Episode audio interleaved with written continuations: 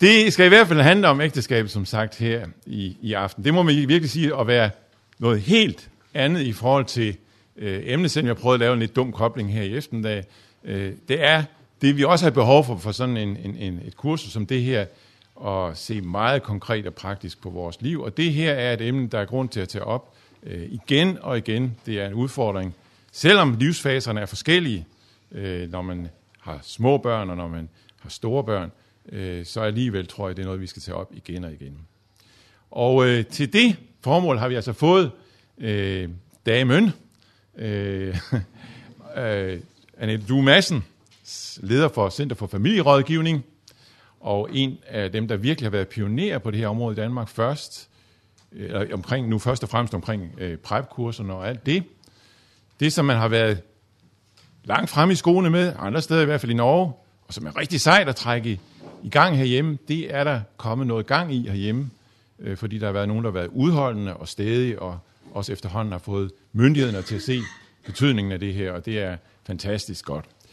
Men altså, jeg vil sige, det er ikke bare for at have en eller anden kransekagefigur eller officiel person, at vi har bedt dig om at komme, Annette.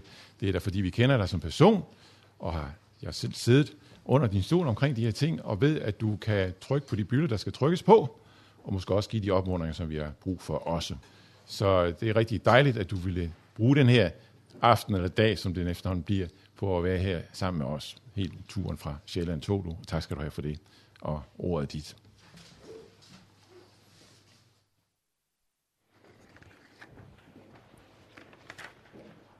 Tak. Jeg oplever ikke mig selv som kransekagefigur. Men øh, jeg står gerne her og snakker om noget af det, der er, lægger mig på hjerte. Om hvordan vi kan bevare vores parforhold og passe på det i en stresset hverdag. Samtidig så stiller jeg mig også op her med stor ydmyghed for det at snakke om den skal jeg slet ikke have dig. Nej, for jeg har jo den anden jo. Så kan det risikere at blive stereo. Ja. Det at tale om kærlighedsliv og det sårbare menneskeliv, det, hvem af os er egentlig værdige til det? Og derfor vil jeg starte med at hente en enkelt sætning fra den norske skovhugger og digter Hans Bøhli, Ja, måske blev han en af Norges største digtere, netop fordi han hver dag gik ud i skoven og så på træer og på fugle og på himmel. Men han siger, at det at digte er at finde små nok ord til store nok følelser. Og måske handler også det at holde foredrag om kærlighed og hvordan vi er sammen, det er måske at finde små nok ord til store nok følelser. Ja, så har jeg besluttet mig for, at jeg godt vil smide med lidt småsten, selvom jeg selv bor i glashus. Fordi jeg tror, vi har brug for en gang imellem at ruske lidt op i hinanden og prøve at sætte os ned og kaste lidt øh, refleksion ind over vores egne liv.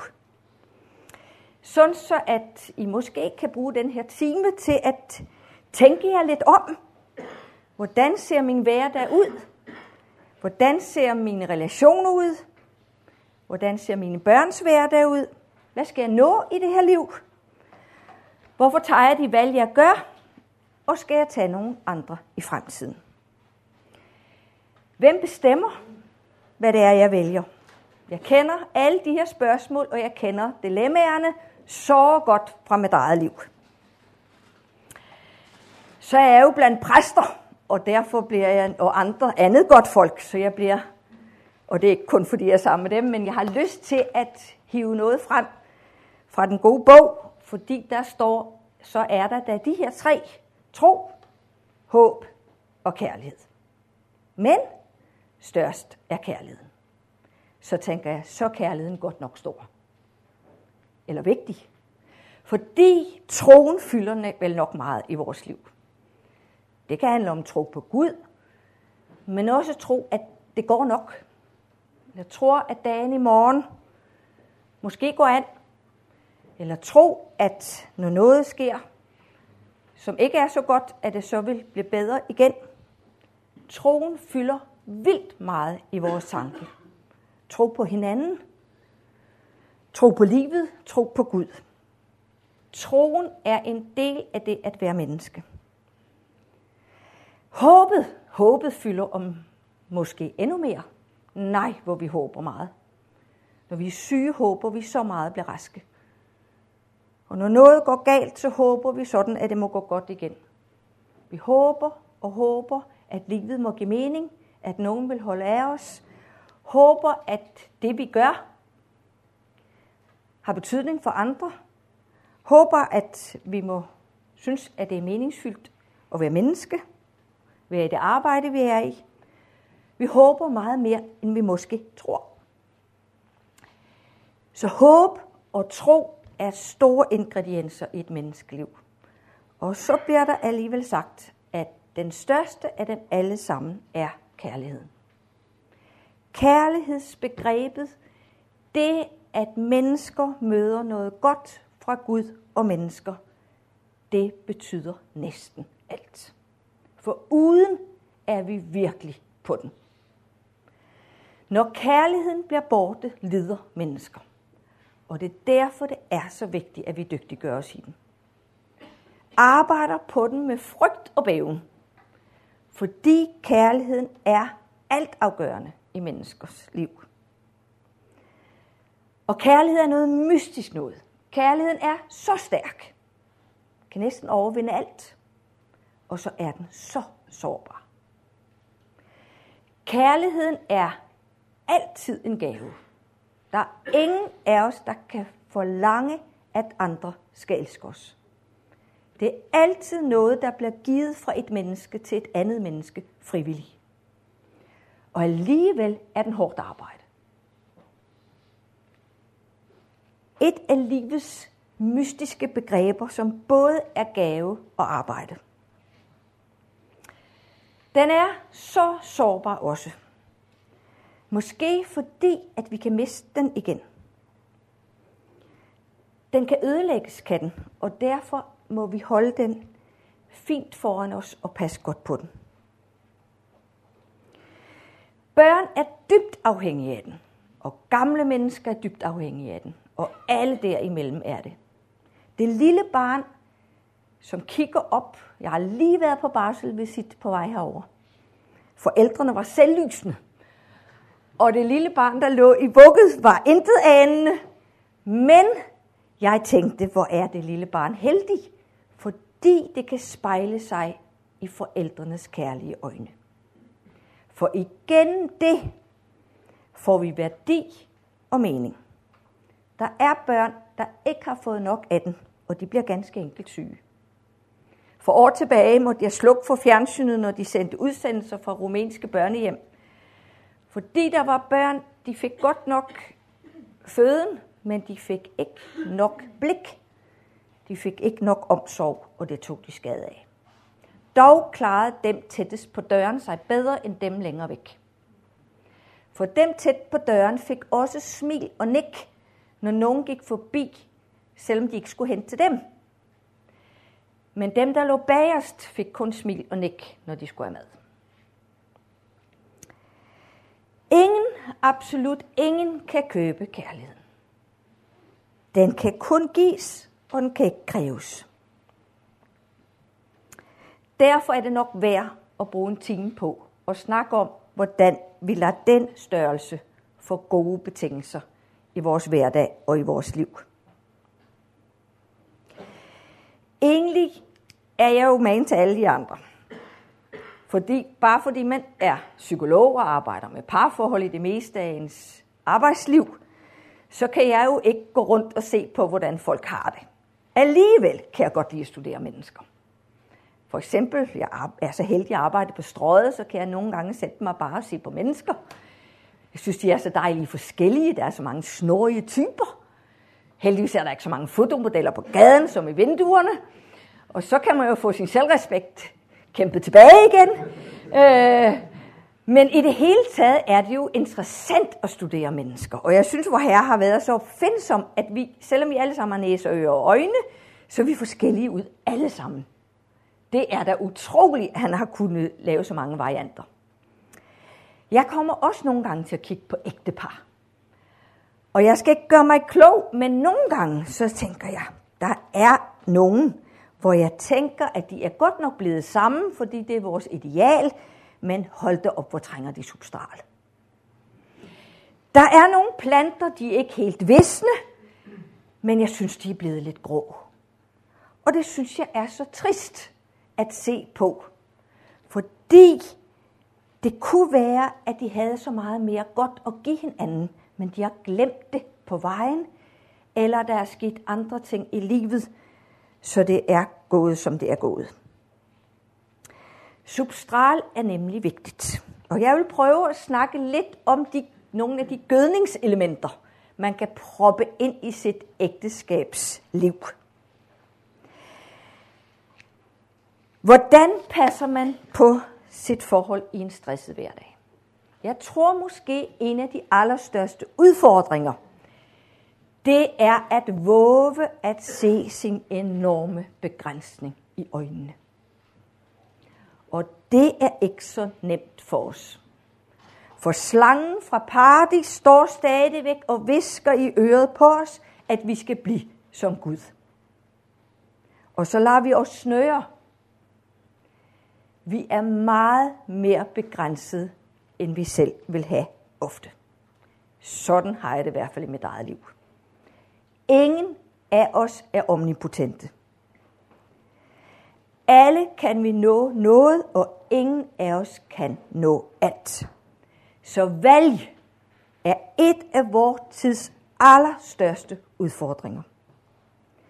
Og hvis vi ikke bliver bevidst i vores valg, så vælger livet bare for os. Dybest set er i sikkert en gruppe, der ofte ønsker at sætte gode grænser rundt om livet, når I prædiker. Sætte grænser for det gode liv. Mange af jer har børn, som I har ønsket at sætte grænser for. Men det, der er allersværest, er at sætte grænser rundt om sig selv. Grænser for, hvad man kan magte og ikke magte, hvad man skal sige ja til og nej til. Det er smerteligt, når man føler, man bør, men det er endnu smerteligere, når det er noget, man virkelig har lyst til, så man bliver nødt til at sige nej. Men hvis vi ikke vælger, og hvis vi ikke prioriterer, og hvis vi ikke lærer at sige nej, så kommer vi til at svigte nogen i den anden ende. For en elastik, man trækker, vil kunne trækkes langt, men pludselig brister den bare i den anden ende. Og så er der noget, man overser eller forbiser, mens man har travlt med noget andet. Det er vigtigt at pleje sit ægteskab for sin egen skyld. Læger og præster er en sjælden race. Jeg er gift med en af slagsen. Og jeg har omgået meget i hele mit liv med begge raser. Præster og læger, de er frygtelig vigtige. Altså vigtige for andre mennesker. De er vigtige, fordi de skal give mennesker hjælp. De skal give råd. Det handler om liv, og det handler om død. Hvis de ikke kommer til hjælp, så må mennesker sidde i deres sorg og elendighed selv. De er nogen, der ofte bliver sat op til, eller var i hvert fald. Og så møder de rigtig mange sårbare ting, som de også skal se på. Møder mennesker, der har mistet, mennesker, der har sorg, mennesker, der har tvivl, mennesker, der er syge. Så det, der kan ske i de typer menneskers liv, det er, at de kan risikere at havne enten i mismod eller i hårdmod. Derfor er det så vigtigt at have en myndig ægtefælle. Jeg tænkte så tit på det, da vi boede oppe i Norge, hvor vi boede tæt på et hospital. Jeg tænkte, at de læger, der var på det hospital, de var heldige, hvis de havde en myndig ægtefælle derhjemme. Fordi der er næsten ingen patienter og næsten ingen, der hører på præsten prædike, der tør komme med ægte personligt mod og medspil. Sådan så man bliver realitetsorienteret omkring sig selv.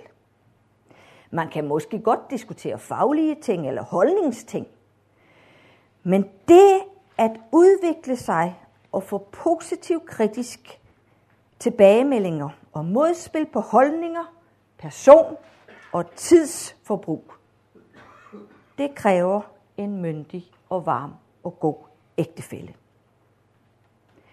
Hvor Herre sagde ikke, jeg vil give dig en medhjælp, eller jo, det sagde han, men han sagde ikke, jeg vil give dig en hushjælp. Han sagde, jeg vil give dig en medhjælp. En medhjælp til at lave kompas på dit liv. En hjælp til at holde dig til realiteterne. En hjælp til at blive på jorden, mens du tænker på himlen. Det at have en myndig ægtefælle, det kan man fremme hos sin ægtefælle. Nemlig ved at opmuntre vedkommende til at komme med den feedback. Altså blive ydmyg på den positive måde. Vi var for nylig til rundt fødselsdag i Norge, og der var mange, mange gode indslag, og fødselaren takkede så til sidst for alt, hvad der var kommet, men allermest talte han til sin kone.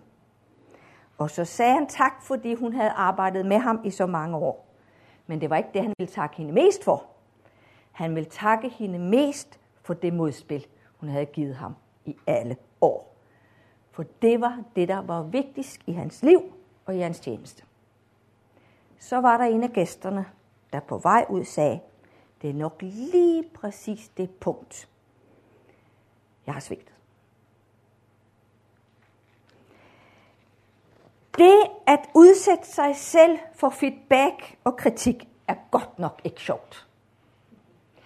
Men jeg tænker, at de mennesker, der har haft den selvreflektion sammen med et andet menneske, de er ofte værre at høre på og ofte gode at gæste. Så brug tid sammen med din ægtefælle for din skyld og for sagens skyld. Og så brug god tid med din ægtefælle for ægtefællens skyld. I det forhold har vi mulighed for at træne i det, vi prædiker. Og det siger jeg med bæven.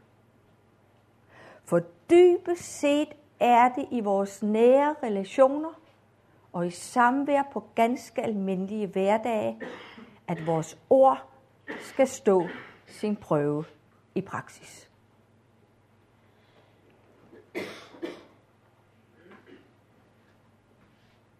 Det er også det, børn ser efter. Børn er så fantastisk skruet sammen, at de stort set ser på det levede liv. Så vores store ord ikke hænger sammen med det levede liv, så går børnene efter livet og ikke ordene. De er stort set ligeglade med vores flotte ord. Så det er det, vi investerer i de nære relationer, der på en måde skal være basen eller grundlaget for alt det, vi farer rundt og laver for øvrigt. Og ægteskabet er en levende, dynamisk størrelse. Altså, det er ikke et skab, vi går ind i og ud af, men noget levende. Et væksthus eller en have. Og det vi har en tendens til, ikke bare jer, men hele vores kultur er, at vi har en forventning om, at vi skal høste af den relation, helst uden at investere. Hvorimod vi er så klar over, at på arbejde er vi nødt til at investere, hvis vi vil høste. Men i parforholdet har vi måske en idé om, at når vi først er gået ind i det, så kører det. Men alt levende går af sig selv. Det forfalder. Det gør haven, tagrenden,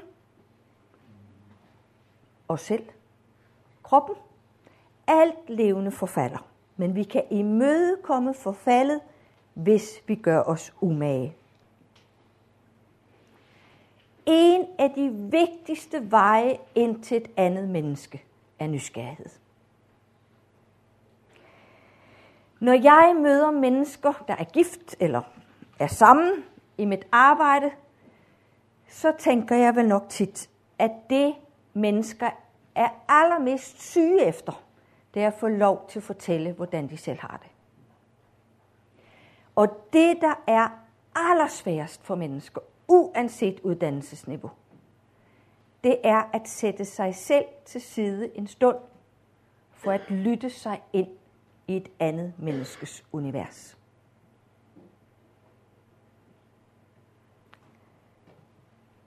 Det at sætte tid af til at lære et andet menneske at kende og være interesseret i, hvordan det landskab ser ud. Jeg bruger så tit den metafor, som broen er, når jeg taler om ægteskab. For det handler om, hvor tit vi går på besøg i den andens landskab. Vi vil så gerne have, specielt hvis vi er uenige, eller hvis der er noget, der er magtpålæggende, så vil vi så gerne have, at den anden ser det fra vores perspektiv.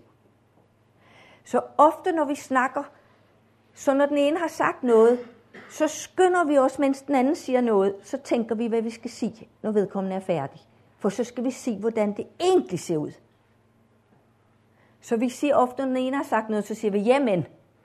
Og det er bare en civiliseret måde at sige nej på. Jamen.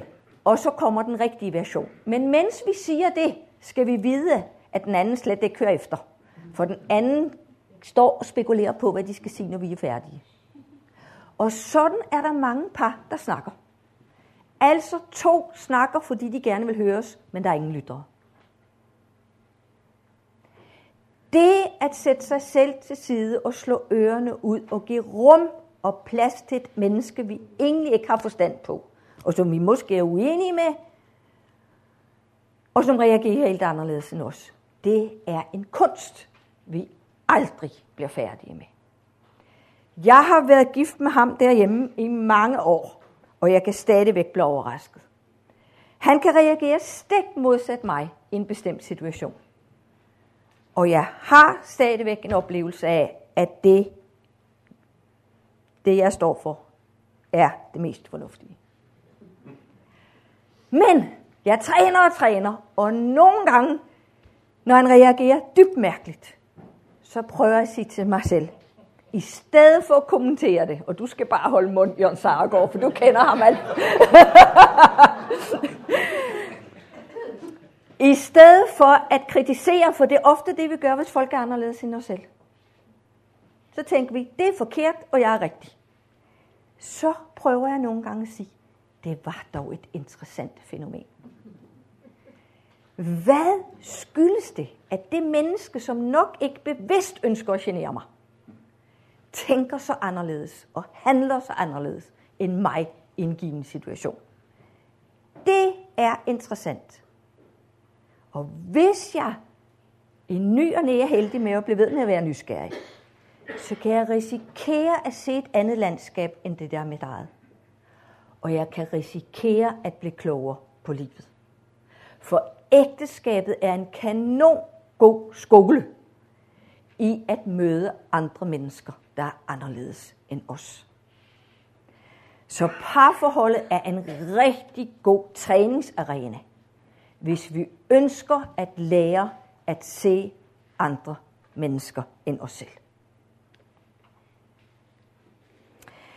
I vores dage kræver det lidt mere, tror jeg, at være par end det gjorde for år tilbage.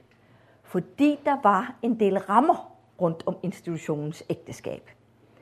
Der var normer, der var respekten for Gud og mennesker. Man var langt mere socialt afhængige, man var langt mere økonomisk afhængige, og rollerne var vedtaget. Jeg er overbevist om, at noget af vores familie, der har været landmænd over i Jylland, de diskuterede ikke hver morgen, hvem der skulle fodre grisene. Han gik ud og fodrede grisene, mens hun lavede formiddagskaffen. Færdig arbejde. De unge par, jeg møder i dag, de skal hver dag diskutere og forhandle om, hvem der gør hvad og hvorfor. Og det kræver enorme kompetencer. Samtidig er jeg også overbevist om, at i gamle dage var der også nogen, der var sammen, som bestemt ikke var gode for hinanden. Og jeg er overbevist om, at der er mennesker, der har lidt i nogle af de relationer. Men rammen snørede. Samtidig så er der ingen rammer os om, om os i dag. Og vi har fået romantiseret kærligheden, sådan så at det eneste ben, der næsten er tilbage, det er vores følelse. Så det skal føles rigtigt at være sammen, hvis man skal være sammen.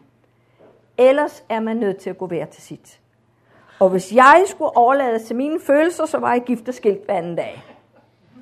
For jeg vågner ikke hver morgen og tænker, wow. Men i ny og næ tænker jeg, wow. Og det er stort. Så det vi trænger til, det er, at vi på en eller anden façon udfordres til at lave rammer for vores relation. For vi bliver ikke hjulpet af kulturen. Hvilket man kan sige, at tidligere var kulturen rammen, og indholdet var man selv om. Derfor er den gode kommunikation og forventningsafstemning og det at kunne møde hinanden i et godt samspil er afgørende betydning. Og det vil måske også få øh, konsekvenser, eller burde få konsekvenser i den måde, man holder bryllupssamtaler med folk på. Netop fordi det er blevet et langt større stykke arbejde at holde på relationen parforhold. Og det kræver langt flere kommunikative kompetencer og forventningsafstemning at være par i dag, end det gjorde for 20, 30, 40 år siden. Hvis kirken underbygger romantikken, så tror jeg, at vi svigter unge mennesker. Så det handler ikke bare om, hvilken salme der skal synges, og hvilket musikstykke der skal blæses, og om man går til højre eller venstre for brudgommen. Men måske handler det at udfordre unge mennesker til, om de er bevidste om, at det at indgå i et parforhold allermest handler om at støve sine værdier af og være klar over, at det er et valg fra A til Z. Hjælpe mennesker og os selv til en ny og næ og evaluere vores situation.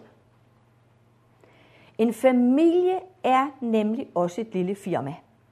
Jeg var på ledelsesseminar for ikke så længe siden.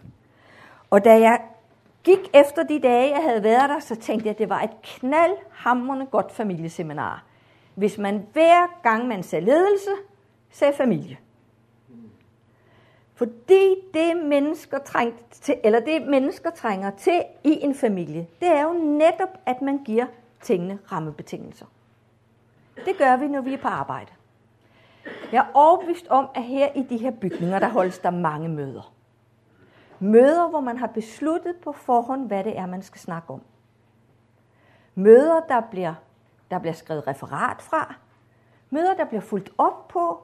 Og projekter, der bliver evalueret bagefter. I parforholdet råder som regel tilfældighedernes princip. Der er meget få rammer for, hvornår man snakker om hvad og hvorfor.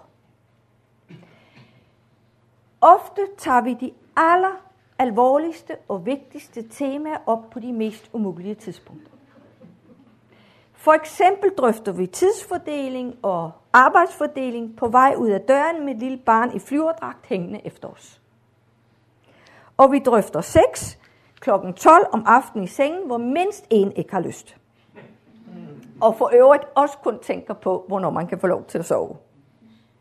Det vil aldrig gå på arbejde.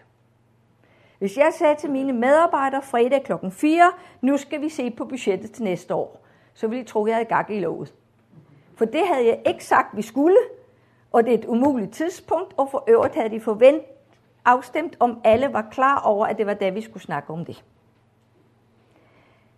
Derfor handler rigtig meget om det at pleje et parforhold. Det er at give de så gode samtaler rammer. Helt nøgternt. Og der taler vi ofte i mit arbejde med PrEP, der taler vi om mindst tre forskellige slags samtaletider.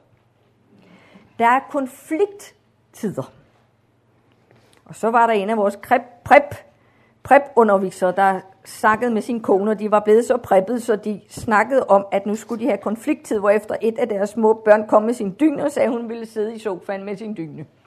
For, for hun havde nemlig hørt, at de skulle have konflikttid. Og børn er jo nogle sjove snegle, at når de hører far og mor ikke har det godt, så tager de ansvar.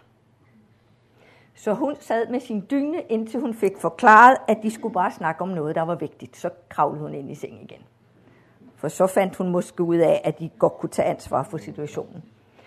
På samme måde, når jeg har haft par i terapi, hvor der har været børn til stede, så sidder børnene med ørerne blafrende uden på kroppen, indtil at vi pludselig er inde på et af de punkter, der er vigtige.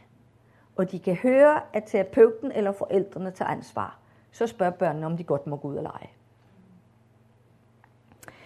Så hvis vi ikke laver ordentlige ægteskaber for andet, så skal vi i hvert fald gøre det for børnenes skyld. For de lever af det. Når forældre ser hinanden, tager vare på hinanden og sætter tid af, så lægger børn i lag. Når forældrene ikke gør det, så føler børn som regel ansvar. Og de tager næsten altid det ansvar. Fordi de kan ikke redde den tidligere generation. Jeg har aldrig hørt om nogen, der kunne redde den tidligere generation, men jeg har hørt om dem, der kan redde de næste generationer. Børn har derfor ingen chance for at ændre sine forældre, og der er alt, alt for mange børn i vores dage, selv i et samfund, hvor vi har det så godt, der har alt for stor ansvarsfølelse i forhold til deres alder, og som får mindre værd, fordi de ikke lykkes med deres indre projekter. Nå, det var de tre tider, jeg kom fra. Konflikttid. Tid, hvor vi tager de temaer op, som ofte er svære. Det kan handle om økonomi, det kan handle om børneopdragelse. Det viste sig forleden dag i 24 timer, at en tredjedel af par er uenige om børneopdragelse. Det kan handle om seksualitet, det kan handle om tro, det kan handle om traditioner, det kan handle om forhold til vores familier, det kan handle om arbejdsfordeling, men hvornår er det, vi sætter os ned og snakker om det, der igen og igen og igen gentager sig, og som bliver dumt? For sagen er den, at hvis noget bliver dumt igen og igen på arbejde, så vil den gode leder sige, nu bliver vi nødt til at nye boller på suppen her. Jeg bliver nødt til at indkalde mine medarbejdere for at høre, hvad det er, de er utilfredse med eller kede af, så vi kan begynde at tænke nyt om det her. Jeg ser så mange ægtepar, hvor der er dybe, dybe julespor, fordi de gør de samme ting forkert hele tiden. Jeg havde en far for nylig til samtale. Han kom, al ære og respekt for det. Han sagde, han havde fem frem, sammenbragte børn. Jeg er sur næsten hele tiden. For enten skælder jeg ud over, at de har skoletasker i entréen, eller jeg skælder ud over, at de ikke har hjemmesko på, eller de ikke siger ordentligt tak for mad, eller de ikke har cykelhjelm på, og jeg skal komme efter dig. Og så spurgte jeg ham om øh, de der metoder, han havde med at være sur, om det hjalp. Nej, det gjorde det ikke. Nå, så spurgte jeg, hvor længe han havde været det. det havde han været i årvis. Det er jo øv. Det er øv at bruge nogle metoder, der ikke virker, og så gør det i årvis så er det jo værd at få en myndig ægtefælle, der kan se, at du er fuldstændig galt afmarcheret. Måske skulle vi til at bruge humor i stedet for, eller skulle vi kun have to regler i stedet for 37, der ikke virker. Jeg udfordrede i hvert fald manden til at udvælge lige præcis de fire vigtigste opdragelsesting i hans liv. Og en af dem var, at han ville have, at de skulle køre med cykelhjelm. Så sagde jeg, så gå efter det. De skal have cykelhjelm på. Og så skulle de også nogle andre vigtige ting. Og så sagde jeg, så hold dig til det og blæs på resten. Og så kom han tilbage, og så sagde han, det virkede. Og så bliver jeg jo så glad. Fordi vi har alle behov for en gang imellem at opdage, at der er noget, der virker. Altså, at vi udvælger vores kampe, og vi drøfter dem med vores ægtefælle. Både kampene med vores ægtefælle og kampene med vores børn. Sådan, så vi ikke bruger kræfter på noget, der alligevel ikke har effekt. Så man bliver to små, gamle, gnidrende typer, der går derhjemme. Det er det, jeg frygter allermest.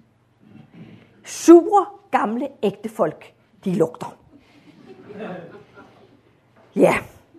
Så er der Planlægningstid. Planlægningstid er stærkt undervurderet. Vi lever i en planlægningstid, og vi kan ikke sætte os uden for den. Derfor er det vigtigt at sende, finde tider, hvor man planlægger systematisk.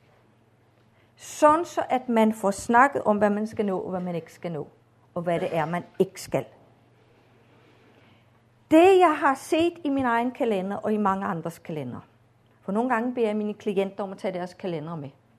Når jeg sidder med to topadvokater, så siger jeg, kære venner, jeg vil godt være terapeut for jer, men jeg kan ikke ændre på, at I arbejder alt for meget begge to. Det er uden for min pædagogiske rækkevidde. Hvis der ikke ændres noget i det her liv, helt praktisk på kalenderplan, så har jeg ikke en chance. Sådan er det også nogle gange i andres liv. Og det, der står i kalenderen, det er ikke gåtur med kongen i skoven for at få respons på den sidste prædiken. Eller tid til at ligge på sofaen og læse en god bog.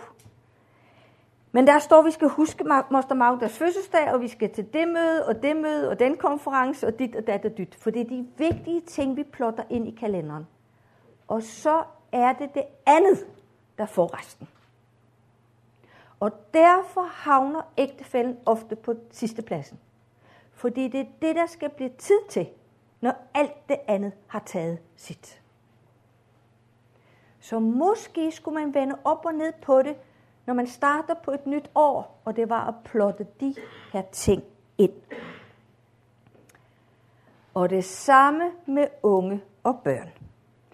Børn og unge har ikke behov for forældre, der er disponible hele tiden. Vi skal have lov til at arbejde, og det er en samfundspligt, vi alle sammen har. Men børn har brug for vores tilstedeværelse med gode, jævne mellemrum. Jeg har mødt så mange unge, der har klaget over, at de kendte, og undskyld kære forsamling, manglede at kende deres far. De kunne så godt, han var der godt nok, men det lærte ham aldrig rigtigt at kende. Hvem var han egentlig? Han havde de rigtige holdninger, de rigtige meninger. Men hvordan var han, når han var i tvivl? Eller da han var ung og var for to forelsket i to på én gang? Det glemte han at fortælle mig. Eller hvordan har han det, når han ikke synes, han slår til? Nej, hvor kunne jeg godt have tænkt mig at have haft de samtaler med ham. For det er jo det liv, jeg skal ud til. Men jeg lærte ham ikke rigtigt at kende.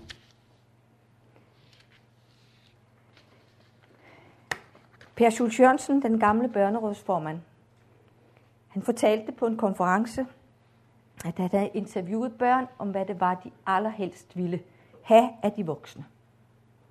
Så var der en dreng, der sagde, at det jeg allerhelst have, helst vil have af de voksne, det er, at når de snakker til mig, så ser de også på mig.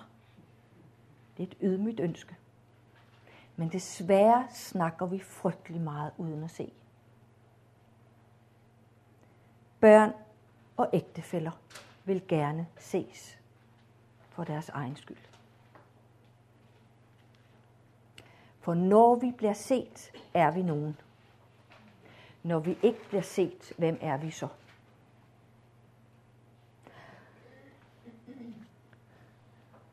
Mange børn bliver set alt for meget, men det er fordi, de ikke bliver set nok. For vi har Danmarks rekord i at være for lidt sammen med dem. Og når vi så er sammen med dem, tror vi, vi skal overse dem. Det kan forstås på to måder. Børn vil så gerne ses. Så da vores yngste var lille og gik til jazzballet, og de skulle have opvisning i den store hal, så sagde hun, I må godt se på alle de andre, men I ser mest på mig, ikke? Jo, vi ser mest på dig, og er faktisk rigtig træt af, at vi skulle se på alle de andre. Ja, vi ser mest på dig. Og hvornår er det, vi kun kommer til at se hinanden? Det er, når vi er i ro. I ro og tillid er jeres styrke. I vores tid må vi tilkæmpe os roen. Vi får den ikke for ærende. Men vi skal bruge roen til at se. Gå med et barn eller en ægtefælle i hånden. den yngste igen. Vi har hund derhjemme og haft i mange år. Det var børnenes pligt at gå med den i ny og næ. Og så blev Karoline sendt ud med hunden en dag. Hun var ikke gammel, men så kommer hun tilbage en halv time efter, så sagde hun, mor, jeg mødte en mor på vejen med sin lille dreng. Og da jeg kom tilbage en halv time efter, så var de nået to kastanjetræer længere ned ad vejen. Mor, når jeg bliver voksen, vil jeg også være en mor, der går langsomt. Det er en af de bedste sætninger, jeg kender. For hvad sker, når vi går langsomt? Der kan vi risikere at se. Vi bor på en smuk vej. Når vi kører i bil, kan vi nogle gange se, om træerne er sprunget ud. Det er jo fint nok. Hvis vi cykler, kan vi også se duften. Hvis vi går langsomt, så kan vi endda samle en kastanje op og undres over, hvem der har pusset den. For de er altid blank. Hvis vi ikke går langsomt, i ny og næ, med dem vi holder af, så kan livet risikere at suse forbi os. Og ved I hvad? Hvis jeg kommer hjem fra Mallorca, hvad jeg aldrig har gjort, men hvis en anden sted, og fortæller mine kollegaer, at nu har jeg været afsted i en uge, så gider de høre på mig cirka i tre minutter, så bliver de optaget af sig selv igen. Men hvis jeg sidder med et barn og fortæller om min fortid eller min rejse, så når jeg stopper efter 10 minutter, så siger de, fortæl mere. Tænk, at der er nogle væsener på den her jordklode, der har lyst til at høre os fortælle og være sammen med. Jeg var på en ungdomsskole engang og skulle holde foredrag for de unge. Jeg havde dem en hel formiddag om, hvorfor forældre er så besværlige, når man selv er i puberteten. Og det er de. Forældre er så besværlige, for de fatter ikke, hvad der sker, når man selv er i puberteten. Og de kunne slet ikke forstå, hvorfor voksne lider af kollektivt hukommelsestab. Fordi de fleste voksne har glemt, hvordan de selv var, da de var i puberteten. De klagede deres nød, og så skulle jeg holde forældremøde om aftenen, og så spurgte jeg, om de ville give mig et godt råd til deres forældre. Og så sagde de ja. Vi vil gerne være mere sammen med dem. De tosser, som glider af hukommelsestab, og for øvrigt ikke har fattet en brik, vil de gerne være mere sammen med. Det er vigtigt. Så tid er noget, vi bliver nødt til at forholde os til. Og det er næsten blevet en fjende. Og vi er op imod vindmøller hele tiden. Mange, mange mennesker, også præster og andre i aktive stillinger, hvor, det, hvor der er mening i at være, de får stresssymptomer. Børn får stresssymptomer, og har man stress, og der ikke er nok på batteriet i for lang tid, så kan vi risikere at blive deprimeret. For langvarig stress fører nogle gange til depression. Måske skulle vi gøre som, og det synes jeg er ganske imponerende, at Gideon Slotsnik, som har startet et stresscenter i København, han er jo langt over pensionsalderen nu, men jeg hørte et foredrag af ham en gang, hvor han som er jøde opfordrede alle danskere til at gå i kirke hver søndag. Det synes jeg er storsindet. Det tror jeg ikke vil gælde os andre, at vi anbefalede folk til at gå til de andre religioner hver uge. Men han sagde, at alle danskere vil have godt af at gå i kirke, for så sad de i det mindste på deres rumpe en hel time hver uge i ro, mens de sad og hørte på prædiken. Om de så hørte efter, det snakkede han ikke noget om. Men det at være i ro, bliver man nødt til at hjælpe hinanden med. For hvad sker, når man er i ro? Så kan man se, om man kan nå at samarbejde om, hvad det er for et hjem, man ønsker at bygge op. Og et hjems atmosfære bygges af de to voksne, som bor der. Og jeg er godt nok voksen nu, tror jeg nok, selvom der bor et barn inde i mig.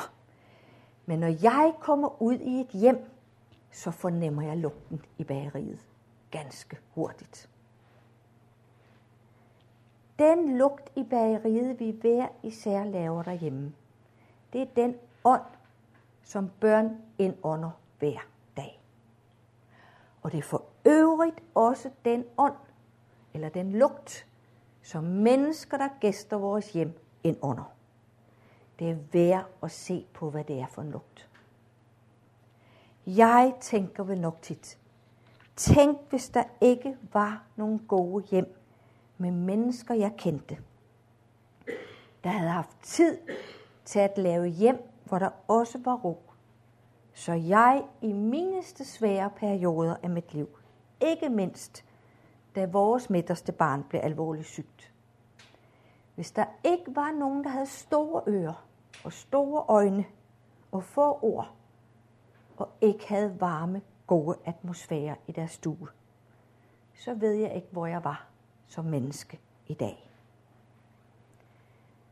Der mangler rigtig mange gode, trygge baser.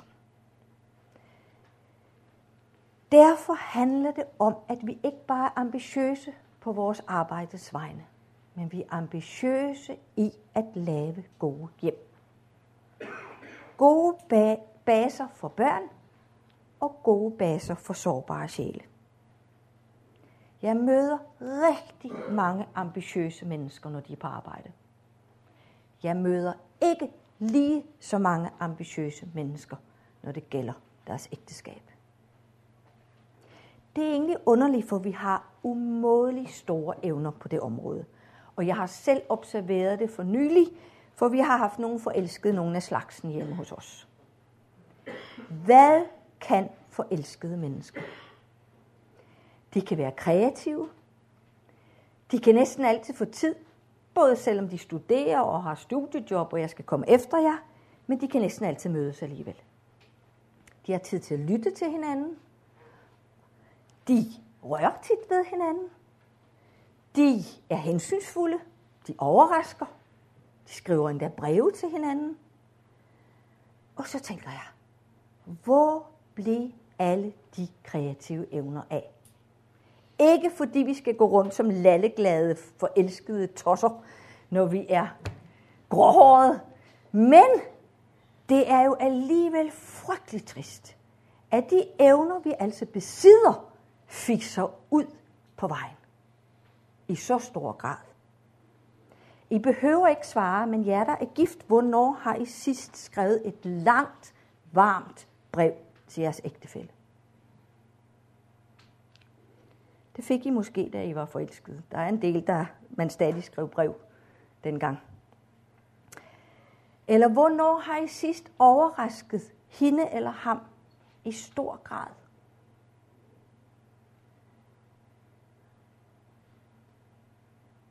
Det er værd at tænke på, at man kan optræne nogle af de evner, man engang havde, og forsøge den andens tilværelse. For hvad sker, når nogen er opmærksom på en? Så vokser man. Så vokser man ganske enkelt. Man vokser i nærhed af nogen, der nærer en. Og vi gør det modsatte, når nogen ikke har øje for det. Vi er ofte blevet nære i at give gode ting til hinanden. Måske er vi også blevet nære i at give gode ting til vores voksne børn. En gang Jørgen og jeg skulle rejse til Afrika i en trist anlæggende. Vores børn var forholdsvis små, og vi skulle rejse med kort varsel.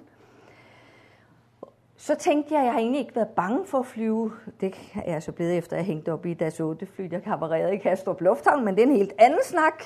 Men jeg flyver nu stadigvæk, fordi jeg synes, livet bliver så besværligt, hvis man ikke gør det.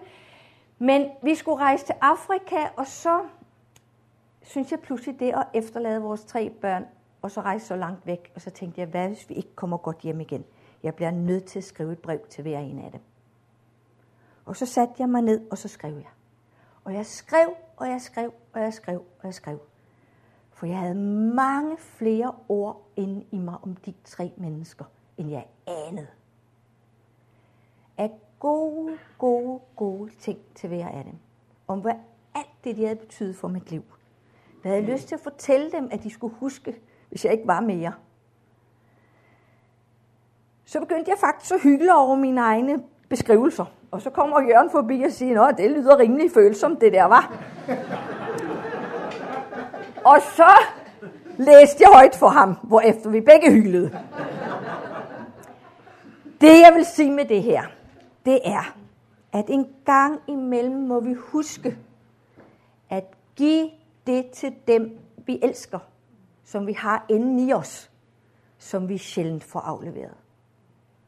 Og nogle gange, når jeg holder foredrag om familieliv og sådan noget, så kan, jeg komme, så kan der komme nogen op og sige, åh, bare vi har hørt noget af det her noget før, og der er ting, jeg fortryder, hvad skal jeg dog gøre? Så siger jeg, så skriv et langt brev til dine børn og fortæl, at du fortryder, og at du er blevet lidt klogere, bare lidt. For ved I hvad? Det at få ærlige, oprigtige, personlige breve fra nogen, vi holder af, det er guld. Og jeg tænker tit, når jeg er til begravelse, for jeg er kommet op i en alder, hvor jeg i ny og næ er begyndt at gå hyppigere til begravelse. Det er, at jeg håber sådan, at dem, der siger de gode ord til eftersamværende, huskede at sige det til menneskene, mens de levede.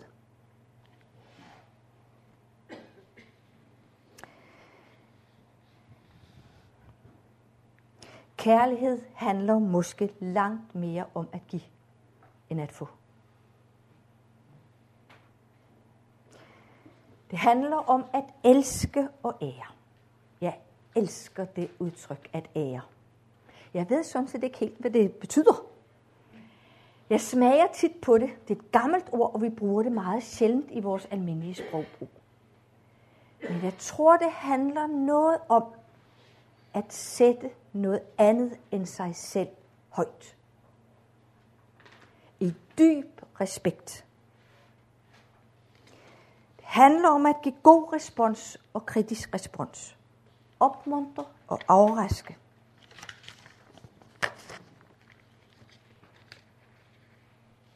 Det handler om at opbygge et fællesskab, hvor vi kan sige, at vi har en livsven.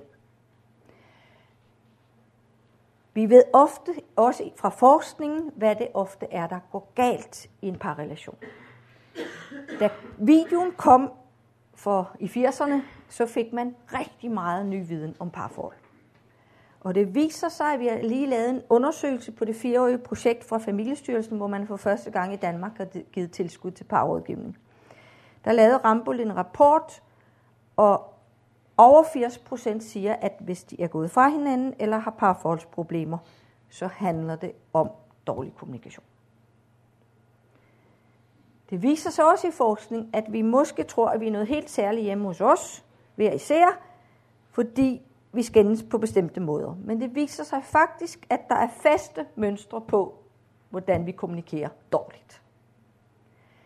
Så selv heller ikke der er vi noget særligt.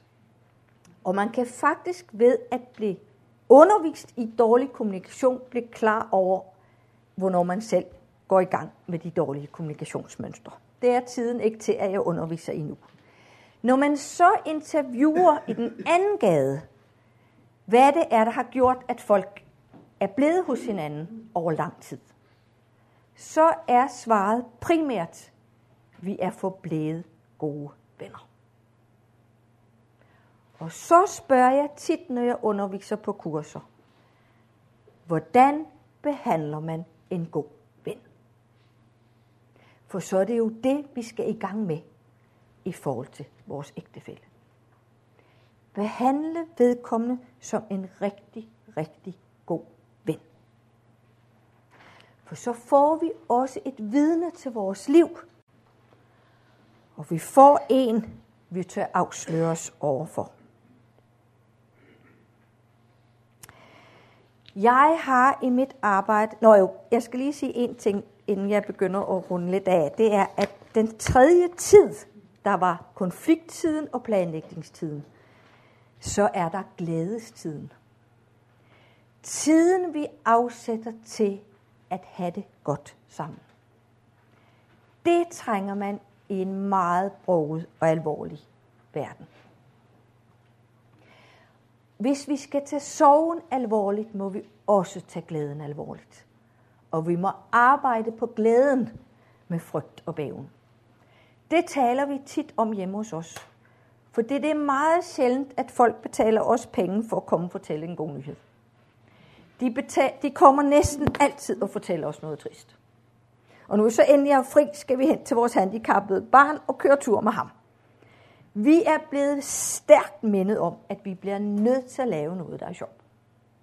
For at holde mod på ganske almindelige hverdage. Og man kan faktisk arbejde på den. Og børn vil elske, hvis de så deres forældre arbejde på glæden. Hold op, de to gamle, de kan stadigvæk lidt endnu. De fleste børn elsker at se deres forældre kysse i stuen, selvom de siger ad. Fordi de kan se, når de ser, at de her to er gode med hinanden, så sætter vi børn i frihed.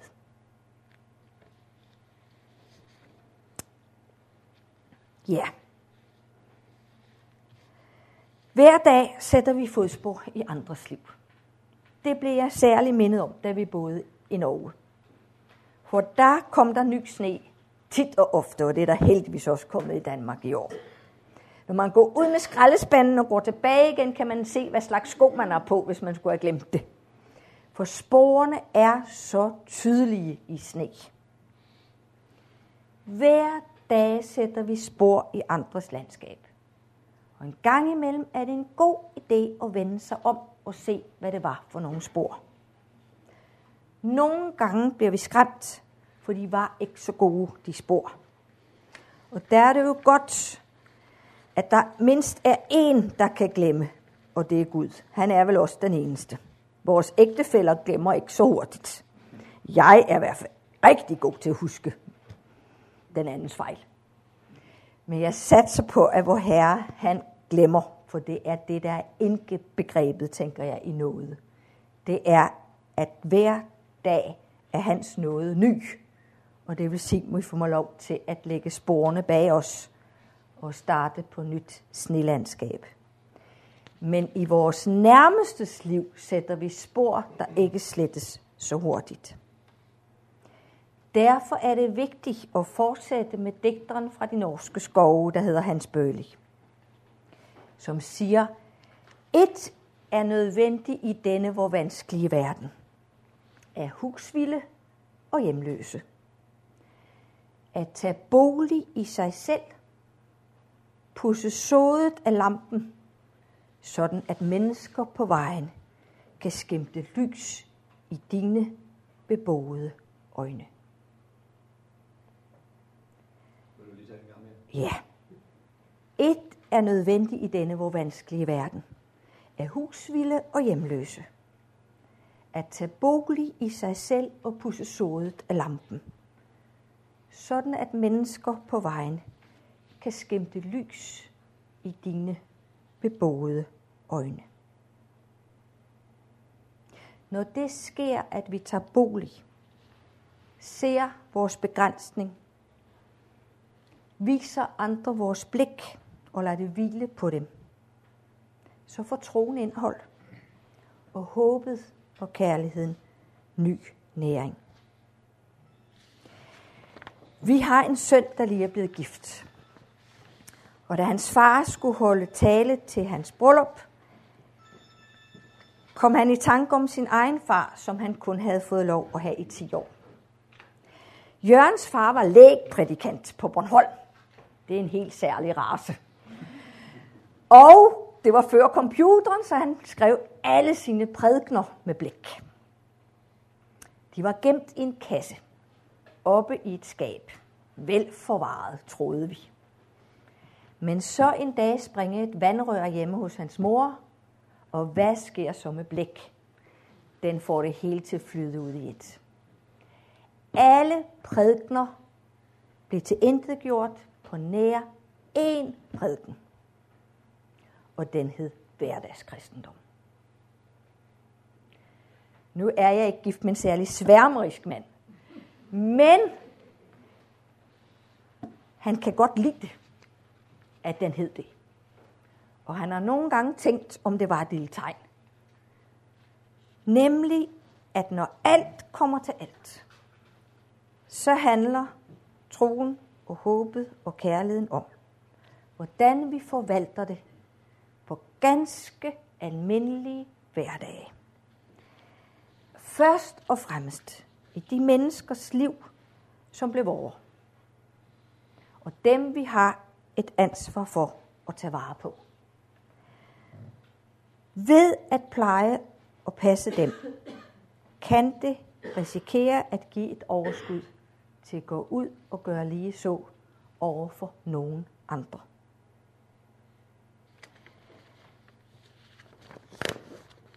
Så vi kan sætte nye, gode spor i sneen. Ikke bare i vores families liv, men også i nogle af de menneskers liv, som vi møder på vores arbejdslivs vej. Rigtig god arbejdsløst med hverdagskristendommen og i at være ambitiøs på kærlighedens vegne. Tak.